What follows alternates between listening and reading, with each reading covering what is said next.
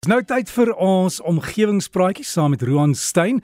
Hy's van Noordwes Universiteit en soveel reaksie gehad op die grasse en dinge waar Roan gesels het. So Roan, ek dink jy gaan weer aansluit daarby. Goeiemôre. Goeiemôre Derek. Um, Laasweek het ons gesels oor hoe belangrik die Suid-Afrikaanse grasveld bioom is en om meer daaroor uit te vind, het ons toe met uh, professor Francis Siebert gesels van die Noordwes Universiteit, 'n uh, uh, baie goeie kollega van my daarso. En uh, vanoggend sit ons die gesprek voort uh, deur te bespreek waarom dit so belangrik is om bome op die regte plekke te plant. Want soos prof Siebert verduidelik, bome is 'n goeie ding en ons almal weet bome is 'n goeie ding. Maar ons almal weet ook dat 'n goeie ding op die verkeerde plek is 'n baie slegte ding. En dit blyk om ons omgewing te beskerm, moet ons nie net willens en wetens bome oral plant nie, juis om ons grasvelde te beskerm. Nou vir uh, baie lank tyd uh, was grasveldbewaring uh, nie hoog op die bewaringsprioriteitslys nie. Uh, aangesien daar vir te lank geglo was dat Suid-Afrikaanse uh, grasveldstelsels mensgemaak is, uh, soos wat wel die geval is in Europa, uh, Europese grasveldstelsels uh, waar grasveldspesies inkom waar woude uitgekap was. Nou hierdie tipe grasvelde word uh, of staan bekend as sekondêre grasveld uh, grasvelde.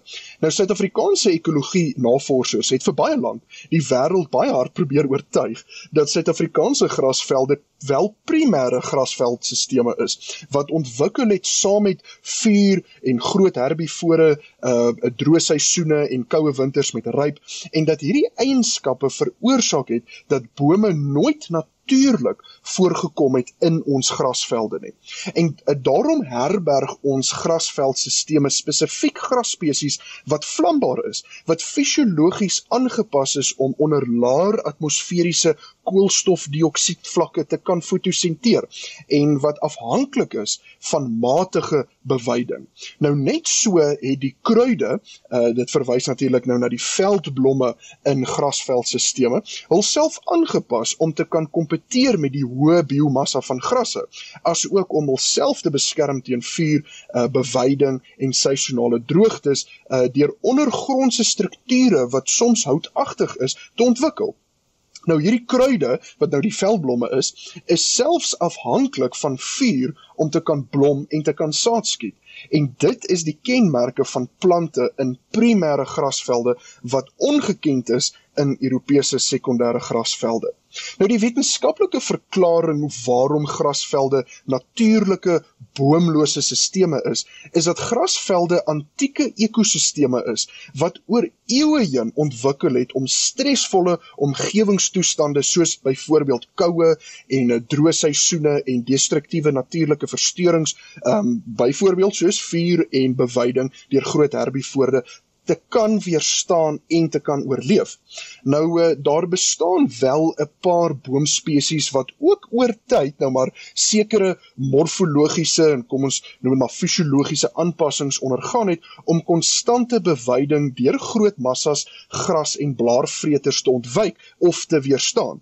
Uh, saam met die koue en die droë winters en die skielike verhoging in temperatuur en die lengte wat uh, nou weer gunstige toestande lewer vir die verspreiding van veldbrand brande.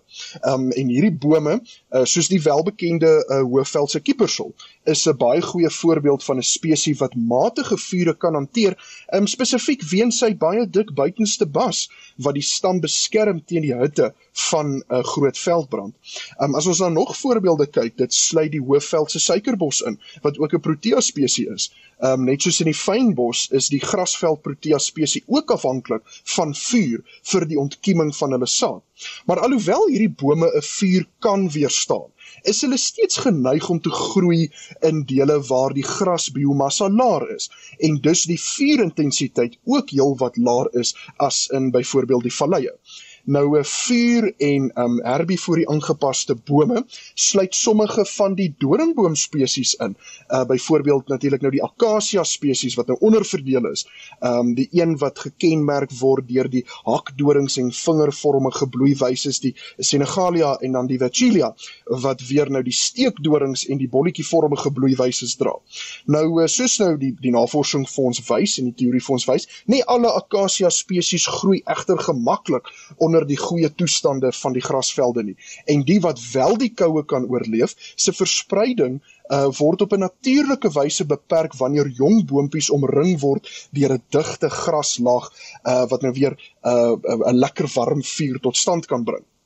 Nou wanneer die graslaag uh, onderdruk word deur intensiewe uh, weidingspraktyke, uh, kan die natuurlike uitding van doringbome en struike nie bewerkstellig word nie, aangesien die bome self nie so vlambaar is soos die grasse nie. Nou eh, 'n lang geskiedenis um, van oorbeweiding in grasveldstelsels mag dus lei tot uh, bosverdigting. Uh buiten oorbeweiding en habitatsvernietiging word grasvelde ook bedreig deur die groot woord globale klimaatsverandering. 'n Warmer temperature en verhoogde atmosferiese koolstofdioksied bevorder die toename in boomspesies aangesien inheemse boomspesies nie aangepas is vir natuurlike kouer toestande en laer vlakke van koolstofdioksied nie.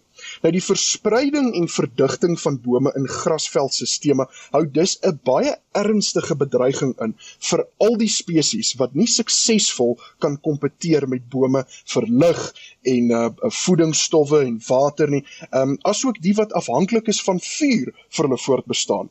Um, nou net soos in die geval van spesieverliese weens uh, aktiwiteite soos mynbou en grondverskuiwings of of ploegaksies um, en ander praktyke praktyke wat natuurlik nou lei tot totale stelseltransformasie hou die verspreiding van bome, het sy dit inheemse bome sou wees ook 'n risiko in vir die volhoubaarheid van ekosisteemfunksies waarvan die mens afhanklik is, soos wat ons laasweek gepraat het oor uh, die grasveldstelsels wat verantwoordelik is vir ons skoon water en die produktiewe weivelde. Nou hierdie mag dalk 'n groot skok op die stelsel wees, um, wanneer 'n mens nou hoor in omgewingspraatjies dat om net willens en wetens bome te plant is nie noodwendig die regte ding om te doen nie. Nou eh, luisteraars om om klimaatsverandering te bekamp, is daar onlangs 'n skrikwekkende wêreldwye veldtog geloods om bome te plant oor dele wat volgens hierdie invloedryke beleidsmakers 'n uh, eh, gedegradeerde stelsels is waar bome uitgeroei was. Nou die groot hartseer van hierdie verhaal is dat uh, daardie wetenskaplikes van die noordelike halfrond al die Suid-Afrikaanse grasvelde karteer het as gedegradeerde sisteme waar woude uitgekap was. Ten spyte van vele wetenskaplike gronde dat ons grasvelde in Suid-Afrika wel primêre grasveldstelsels is met unieke, diverse plante, insekte en diere wat selfregulerend is om belangrike ekosisteemfunksies en dienste te onderhou, het die Suid-Afrikaanse regering wel reeds die projek ondersteun.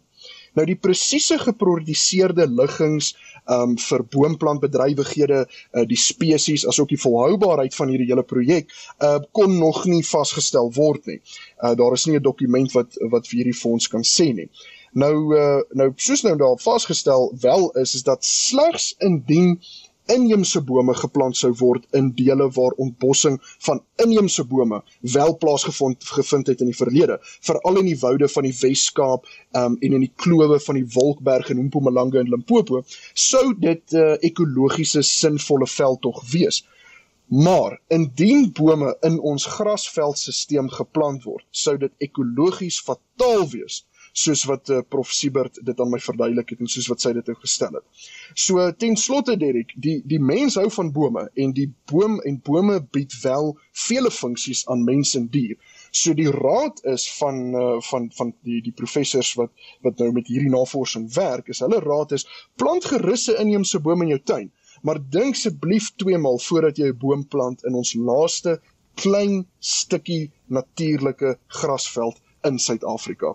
En daarmee groet ek jou Dirk, heerlike naweek vir jou en die luisteraars. Baie dankie vir jou Roan en as jy wil kontak maak met Roan Stein van Noordwes Universiteit, dis omgewing by rsg.co.za, net die e-posadres omgewing by rsg.co.za gaan loer ek op die Breakfast Facebook bladsy. Roan plaas vir ons inligting daar.